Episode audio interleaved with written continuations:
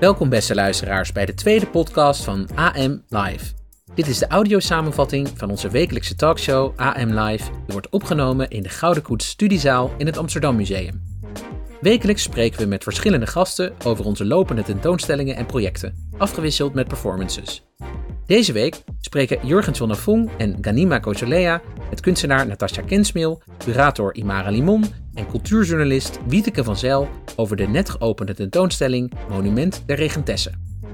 Ook luisteren we naar een performance van Rosina Salilou. We sluiten af met Arjen Barel en Arthur Kneepkens, die komen vertellen over de door hen gecureerde zalen van de digitale tentoonstelling Corona in de stad.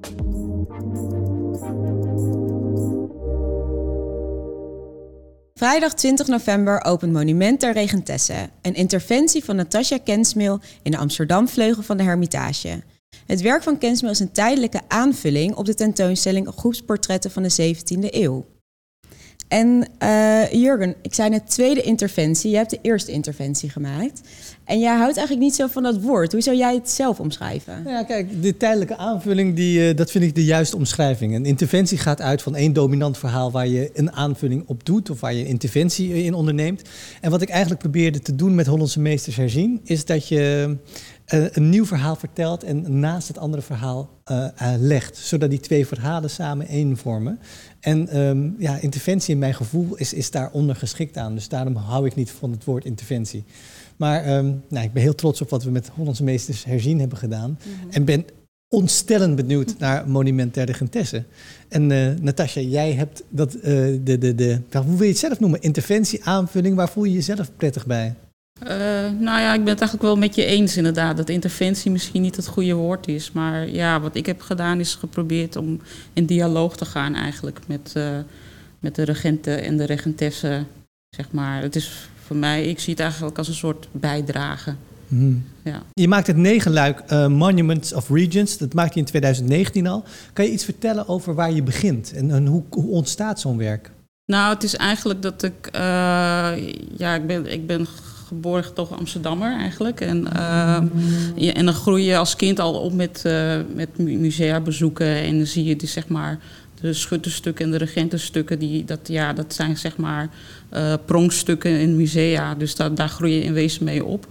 En, uh, dus ik had al wat langer in mijn hoofd om daar, om daar iets mee te doen met de vraag van ja, hoe verhoud je je eigenlijk tot. Uh, maar waarom, waar, waarom zou je ertoe moeten verhouden? Het is in principe een afgesloten hoofdstuk, zeggen sommige mensen. Het, is, het speelt zich ver, af, ver in het verleden af. Waar, waarom wil je je daartoe verhouden? Nou, omdat ik denk dat. Uh, kijk, ik ben sowieso gefascineerd door geschiedenisverhalen en uh, geschiedenisgebeurtenissen. En, uh, ja, en als ik naar die beelden kijk of als ik de verhalen lees, dan. Uh, ja, dan heb ik altijd wel het idee dat er nog iets meer te vertellen valt. Er wordt iets getoond op een bepaalde manier en, uh, en ik zie het weer op een andere manier. Dus ik kijk eigenlijk heel anders naar de beelden die mij worden voorgeschreven uit geschiedenis. En uh, ik vind het ook heel uh, spannend hoe, ja, hoe we eigenlijk onszelf voeden met geschiedenisverhalen. Dat het ons vandaag de dag nog vormt en dat we eigenlijk constant in dialoog zijn nog steeds daarmee. Hmm. En ja. wat is de aanvulling op die geschiedenis die, die jij bijdraagt? Ik, ma ik maak er schilderijen en tekeningen over. En, uh, en dat is mijn manier om zeg maar kritisch te kijken naar, naar een specifieke periode, in dit geval de 17e eeuw, en naar de regenten en de regenten, regentessen. En in mijn werk. Uh, ja, een rode draad in mijn werk is zeg maar uh, dat het veel over macht en machtsverhoudingen gaat. Hmm. Uh, dat ik uh, machtsstructuren bloot wil leggen. En, en dat is heel duidelijk zichtbaar in die periode. Die machtsstructuren waar je het over hebt, hoe komt dat tot uiting in je werk?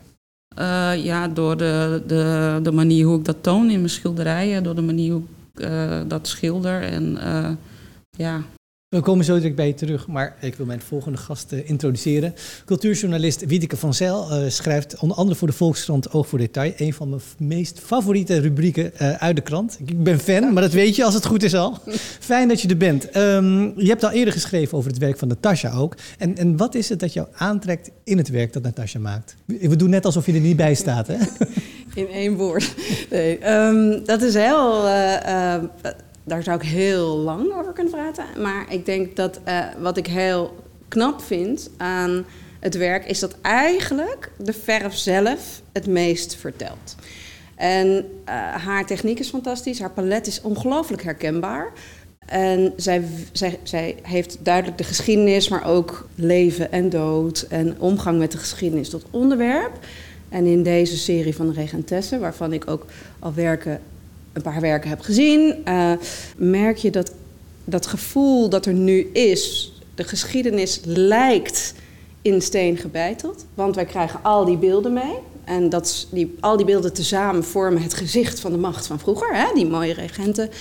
En ik denk dat uh, voor een deel gaan de portretten van Natasja daarmee ja, in gesprek. Ik voel, het voelt bijna niet toereikend om dat zo te zeggen, maar ze laten zien hoe, um, uh, hoe weinig het eigenlijk in in steen gebeiteld is. Dus hoe wij elke keer opnieuw die geschiedenis moeten bevragen. En elke keer opnieuw ons een beeld vormen van de geschiedenis. En dat is, dit klinkt nu heel abstract, maar als je naar één zo'n portret kijkt. en ik heb dan een detail van de hand van een van de regentessen, eh, bijna levensgroot voorbeeld uh, beschreven. dan zie je dat dat bijna lijkt te smelten of af te brokkelen. Of, en daar zit zoveel emotie in, of dat roept zoveel emotie op, althans bij mij als kijker, dat je het bijna niet één op één kan verwoorden. Het is meer die verf werkt en die verf die vertelt dat, je, dat er altijd meerdere nuances zijn om te kijken naar bijvoorbeeld macht. Naar, en dat is niet alleen de macht van de regenten in de 17e eeuw, dat is ook de macht van de vrouw en de plek van de vrouw in de geschiedenis. Wat ik bijvoorbeeld heel interessant vond, is die twee om even een voorbeeld te noemen van twee uh, regentenportretten die ze heeft geschilderd, Johan de Wit en Wendela Bikker. Toen ik daarover wilde schrijven, dacht ik, nou ga ik even die portretten opzoeken die, waar ze dan op geïnspireerd is. dus ik uh, ze Google, Google, Google. En ik kon ze gewoon niet vinden. En uh, had ik het grote geluk dat ik Natasja zelf kon vragen van, joh, welke portretten waren dat waarop je je had geïnspireerd? Toen begon, ze meteen te, begon je meteen te lachen aan de telefoon. Waar, waarom moest je dat Ja, omdat ze niet te vinden zijn. Nee, zijn ze bestaan niet. Ze bestaan niet. Nee, ze, ze, bestaan, niet. En dat is, heel, dat is heel interessant. Want wat ze eigenlijk uh, doet, is al dat materiaal, hmm. onze gezamenlijke collectieve geheugen van de geschiedenis, dat daarmee laat ze eigenlijk zien uh, dus ze baseert zich op meerdere regentenportretten. Bijvoorbeeld voor die Wendela Bikker. En die bestaat eigenlijk uit allerlei elementen van verschillende oude portretten. Um, die ze dan opnieuw uh, beeld geeft. En daarmee laat ze ook zien van we hebben dus een idee van hoe het huwelijksportret hoort te zijn.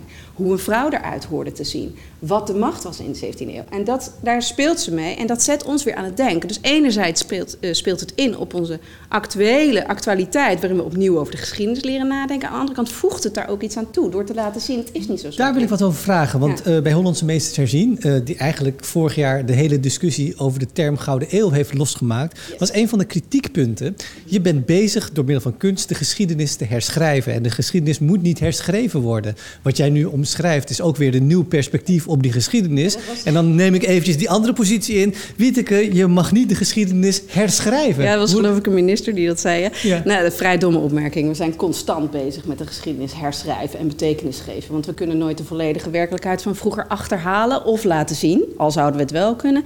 Het wordt altijd geabstraheerd en wij zijn altijd aan het cherrypicken. En voordat je het weet, ben je vanuit je eigen belangen aan het schrijven over wat belangrijk was vroeger. En zo hebben we hele uh, aspecten gemist. Dat is natuurlijk ook wat Imara heeft toegevoegd aan uh, hè, met de new narratives. Om op meerdere manieren te zoveel mogelijk, zo breed mogelijk en meer stemmig mogelijk perspectief op die geschiedenis te krijgen. En als ik dan nog heel even mag inhaken op die meerstemmige geschiedenis waar we het nu over hebben, ben ik eigenlijk ook, Natasja, wel heel erg benieuwd uh, wie we zien op de portretten die uh, jij geschilderd hebt en hoe jij naar hen kijkt, naar de vrouwen, de regentessen. Ik heb verschillende regentessen uh, per portret zeg maar, genomen om, om te schilderen. Ik heb onder andere Maria Munter genomen of uh, Sarah Wolfhard, die Frans Hals heeft geschilderd. Maar ook regentessen die niet bij naam worden genoemd, want vaak worden ze niet echt bij naam genoemd. Die Johannes van Sponk wel heeft geschilderd of van der Helst. Nou ja, goed, en uh, die samenstelling van verschillende gezichten, dat maakt, ja, dat heb ik in mijn schilderij tot, tot één, ja, soort, bijna een soort archetype beeld van een regentesse uh, willen neerzetten. Ja, want als ik het goed heb begrepen, dan als jij begint met schilderen, dan um, schilder je eigenlijk allerlei verschillende gezichten over elkaar heen. Klopt ja. Dat? Dat klopt, ja. Omdat ik uh, tijdens het schilderproces is dat uh, ja, voor mij gewoon heel belangrijk. Om, omdat het, ja, als ik een beeld schilder en weer wegschilder, dan laat het sporen na. En dat gaat weer een dialoog met een nieuwe uh, versie of beeld wat ik eroverheen schilder. En zo ja, bouw je zeg maar een schilder, bouw ik zeg maar een schilderij op wat, wat dan ook gelaagdheid heeft. En wat tegelijkertijd ook die gelaagdheid van de geschiedenis van die vrouwen uh, wilt weerspiegelen. Zeg maar. En uh, Imara, jij bent als uh, curator van het Amsterdam Museum verantwoordelijk voor deze tentoonstelling. Je hebt hem gemaakt samen met Natasja. Is deze gelaagdheid waar ze over spreekt ook de reden dat jullie haar hebben gekozen voor de tweede interventie, die geen interventie genoemd mag worden? Nou, ik moet jullie teleurstellen. Ik noem het helaas een interventie. en, um, nou, maar daar gaan we het niet over hebben. Ik denk dat ja, die gelaagdheid en aan de ene kant de herkenning van elementen uh, die je ziet, de houdingen, de kleding, uitdrukkingen. En um, ja, ook de hele composities van hoe die uh, personages zich tot elkaar verhouden op zijn schilderij. Uh, dat verwijst ook naar die geschiedenis aan de ene kant. Maar aan de andere kant is het ook heel anders. Ja, je herkent soms gezichten niet, de kleuren zijn heel anders. Dus die vergelijking vond ik al interessant om het daar zo mee samen te voegen. Omdat je blijft heen en weer kijken. En het is natuurlijk niet zomaar voor de grap. Het heeft ook een heel serieuze ondertoon. En het mooie is dat je echt zelf wordt uitgedaagd om te kijken... wat is dan die ondertoon? En zoveel mogelijk kunt denken, wat vind ik daar zelf van? Um, ja, en als curator denk je natuurlijk al snel, maar hoe krijg je dat voor elkaar? Want als je kijkt naar die plek, die uh, Amsterdam Museum Vleugel in die Hermitage, dat is een enorme grote zaal. En daar hangen allemaal grote groepsportretten van uh, 17e eeuwse uh, bijvoorbeeld schutters. En dat zijn allemaal groepen mensen die, die samenwerkten, die een rol hadden in de maatschappij. En die zijn er ook niet zomaar op die portretten gekomen, want die hebben zich laten portretteren. En dat is ook een gegeven waar je misschien wel achter komt als je heen en weer gaat kijken. Je kijkt naar, je wordt ja, ik denk dat als je in die zaal komt zonder dat er hedendaags werk tussen hangt, dan heeft het iets vanzelfsprekends. Het, het hangt daar gewoon en je kijkt naar de pracht en praal. Ze zijn, de mensen stralen trots uit, prachtige kleren.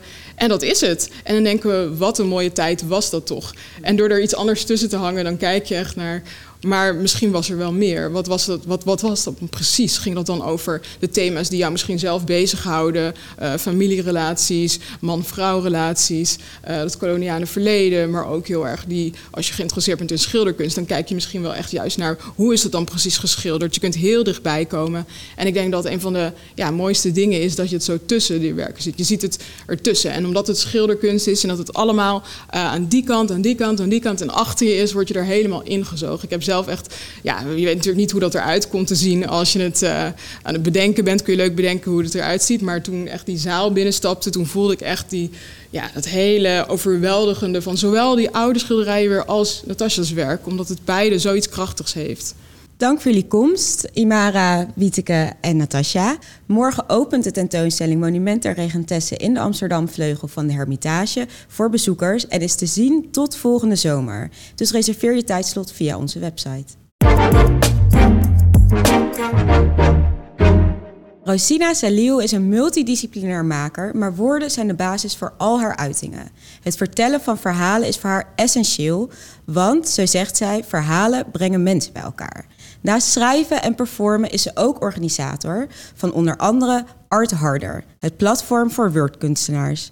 We vroegen Rosina om op haar eigen manier reactie te geven op de tentoonstelling van Natasja Kensmil. En vanavond hebben wij voor jullie de primeur van haar performance, opgenomen in de Amsterdam Vleugel van de Hermitage.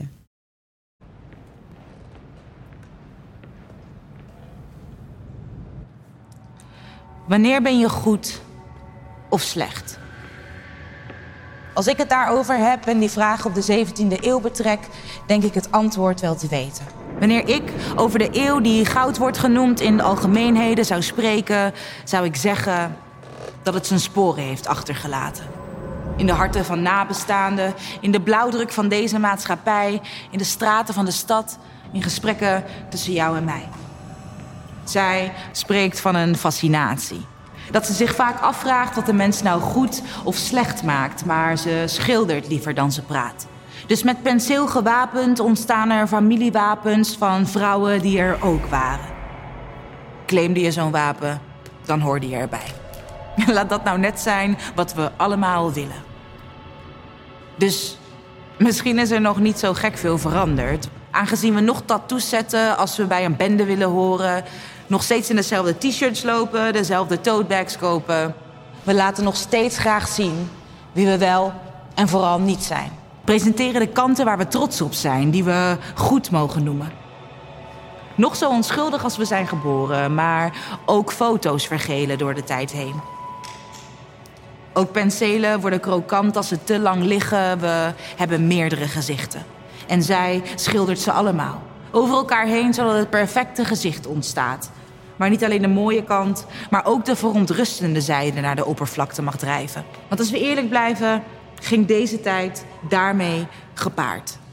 Zette de mens zichzelf constant centraal. Wilden we alles in kaart brengen.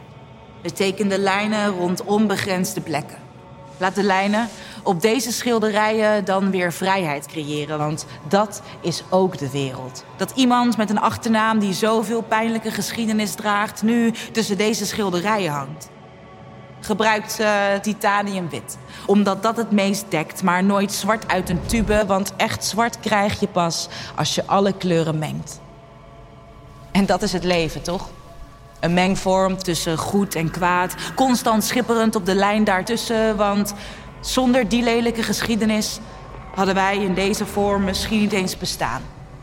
Ik denk dat het erom gaat dat we praten blijven, niet wegkijken. Dat de verhalen die zo lang op de achtergrond stonden nu gewoon verteld worden. En dat we ons af blijven vragen wie we aan het woord laten, zodat de geschiedenis meerzijdig verteld wordt. Een tussenkomst, noem het interventie. De excellentie van een nieuwe generatie praters, gewapend met pen, penseel en stem. Persoonlijk vraag ik me niet zozeer af wanneer iets goed is of slecht.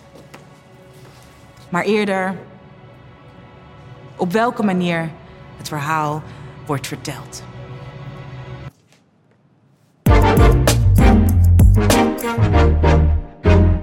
Hoe geven we de persoonlijke verhalen over de beleving van de afgelopen maanden tijdens de coronacrisis een podium? Theatermaker Arthur Kneepkens en beeldend kunstenaar Merel Noorlander maakten samen met zeven communities en twaalf kunstenaars uh, een postercampagne. En cureerden de zaal hashtag Hoe gaat het echt met je voor de online tentoonstelling Corona in de stad. Een andere zaal, Stemmen uit Nieuw-West, werd gecureerd door Arjen Barel. En dat legt de focus op de ongehoorde stemmen van dit stadsdeel. Arthur, Arjen, welkom. Fijn dat jullie er zijn. Uh, nou, om maar met de eerste vraag te beginnen. Uh, hoe gaat het nou echt met je? Dankjewel, uh, Jurgen, voor die vraag. Um, ja, het gaat eigenlijk met mij puur persoonlijk best wel goed. En uh, persoonlijk en zakelijk vind ik het altijd wat moeilijk om echt van elkaar te scheiden. Mm -hmm. Dat is ook een soort luxe, als je, als je dat kan. En daar is het een, um, een mengsel van hele mooie en hele spannende dingen. Beide zalen van jullie allebei geven een podium aan stemmen die we gewoon niet vaak horen. En dan gaan iedere zaal natuurlijk op hun eigen manier. Um, jullie hebben dat gedaan met, met, met, met kunstenaars. En Arjen, jij bent op pad gegaan om die ongehoorde stemmen te vinden. Uh, hoe pak je dat nou aan? Nou, kijk, uh, de mensen, de, de stemmen die je hoort in, uh, in de zaal, dat zijn mensen waarmee we al wat langer werken in verschillende programma's, zoals De Gouden Mannen. De Gouden Mannen is een programma wat inmiddels over de hele stad uh, plaatsvindt om mannen in een sociaal isolement eigenlijk nou ja, weer uit dat sociale isolement te halen. En storytelling, het vertellen van verhalen, delen van verhalen, is een methode die we daar ook mee gebruiken. En uh, dus de mannen die we dus inderdaad, de, de verhalen die we hebben opgehaald, dat is uh, op dit moment vooral van die mannen. Daar komen ook nog wat vrouwen bij binnenkort.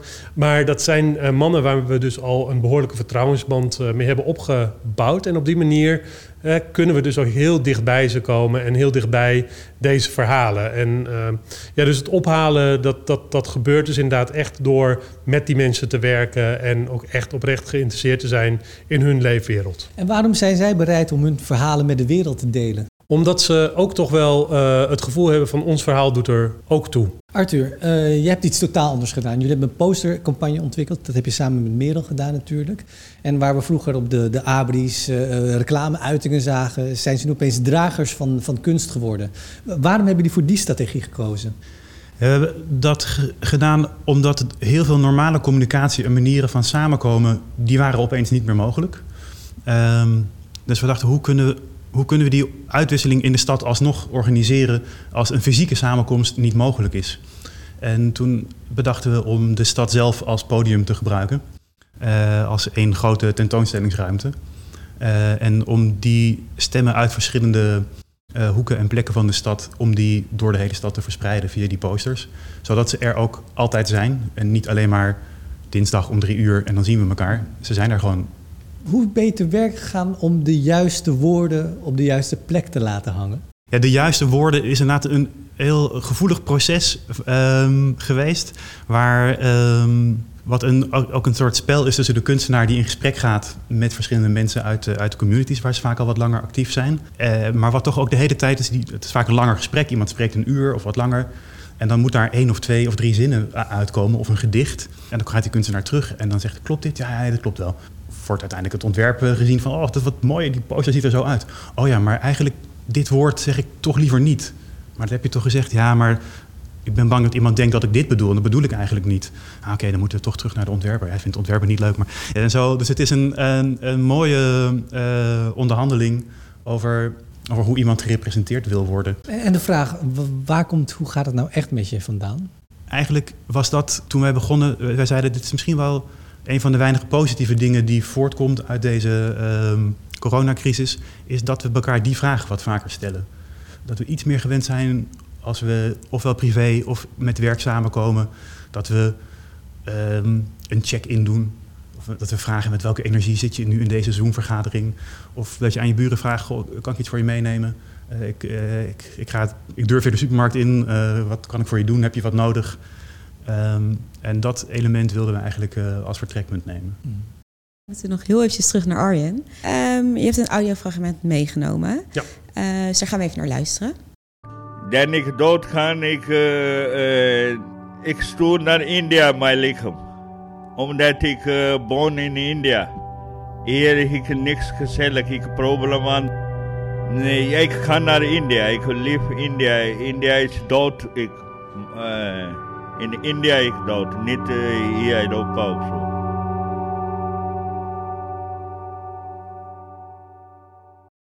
Ja, een uh, ontroerend uh, audiofragment vind ik het. Emotioneel, uh, thema ook.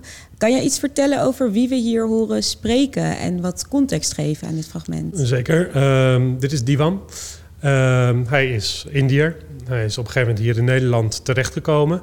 En uh, heeft hier enigszins inderdaad een leven opgebouwd. Maar ja, je merkt gewoon uit zo'n fragment hoe, hoe die, die band met India er nog steeds is. Overigens is dit fragment uh, opgenomen. Ik heb het gemonteerd, maar uh, door Erik, Erik Bout, die ook met deze mannen werkt namens Storytelling Center.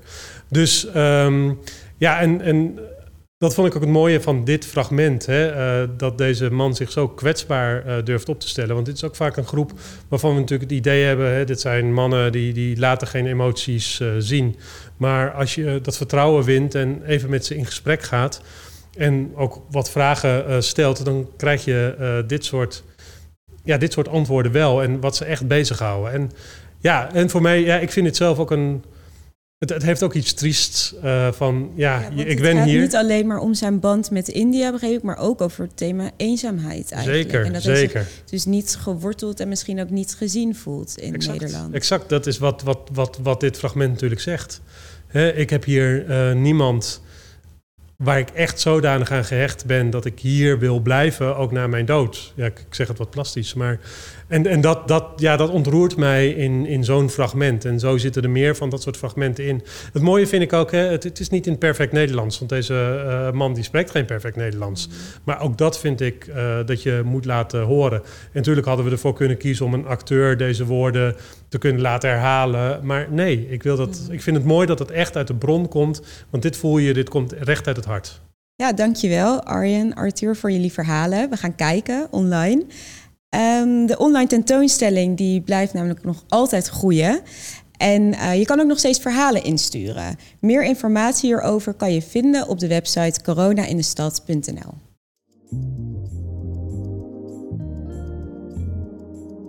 Dit was AM Live van deze week. Wil je de hele uitzending bekijken? Dan kan dat op onze website amsterdammuseum.nl. Als je wilt reageren op deze uitzending, dan kan dat door te mailen naar podcast amsterdammuseum.nl. En we vinden het heel leuk als je een review kunt achterlaten op iTunes. Dat helpt anderen ook deze podcast te vinden. Volgende week zijn we er weer en gaan we het onder meer hebben over Kaskijkers. De tentoonstelling in het Amsterdam Museum in het kader van 500 jaar jeugdhulp. Ook gaan we weer met diverse gasten in gesprek over de aankomende tentoonstelling De Gouden Koets, waar we de relatie tussen Nederland en Nederlands-Indië verder uit gaan diepen. Dank voor het luisteren en tot de volgende keer.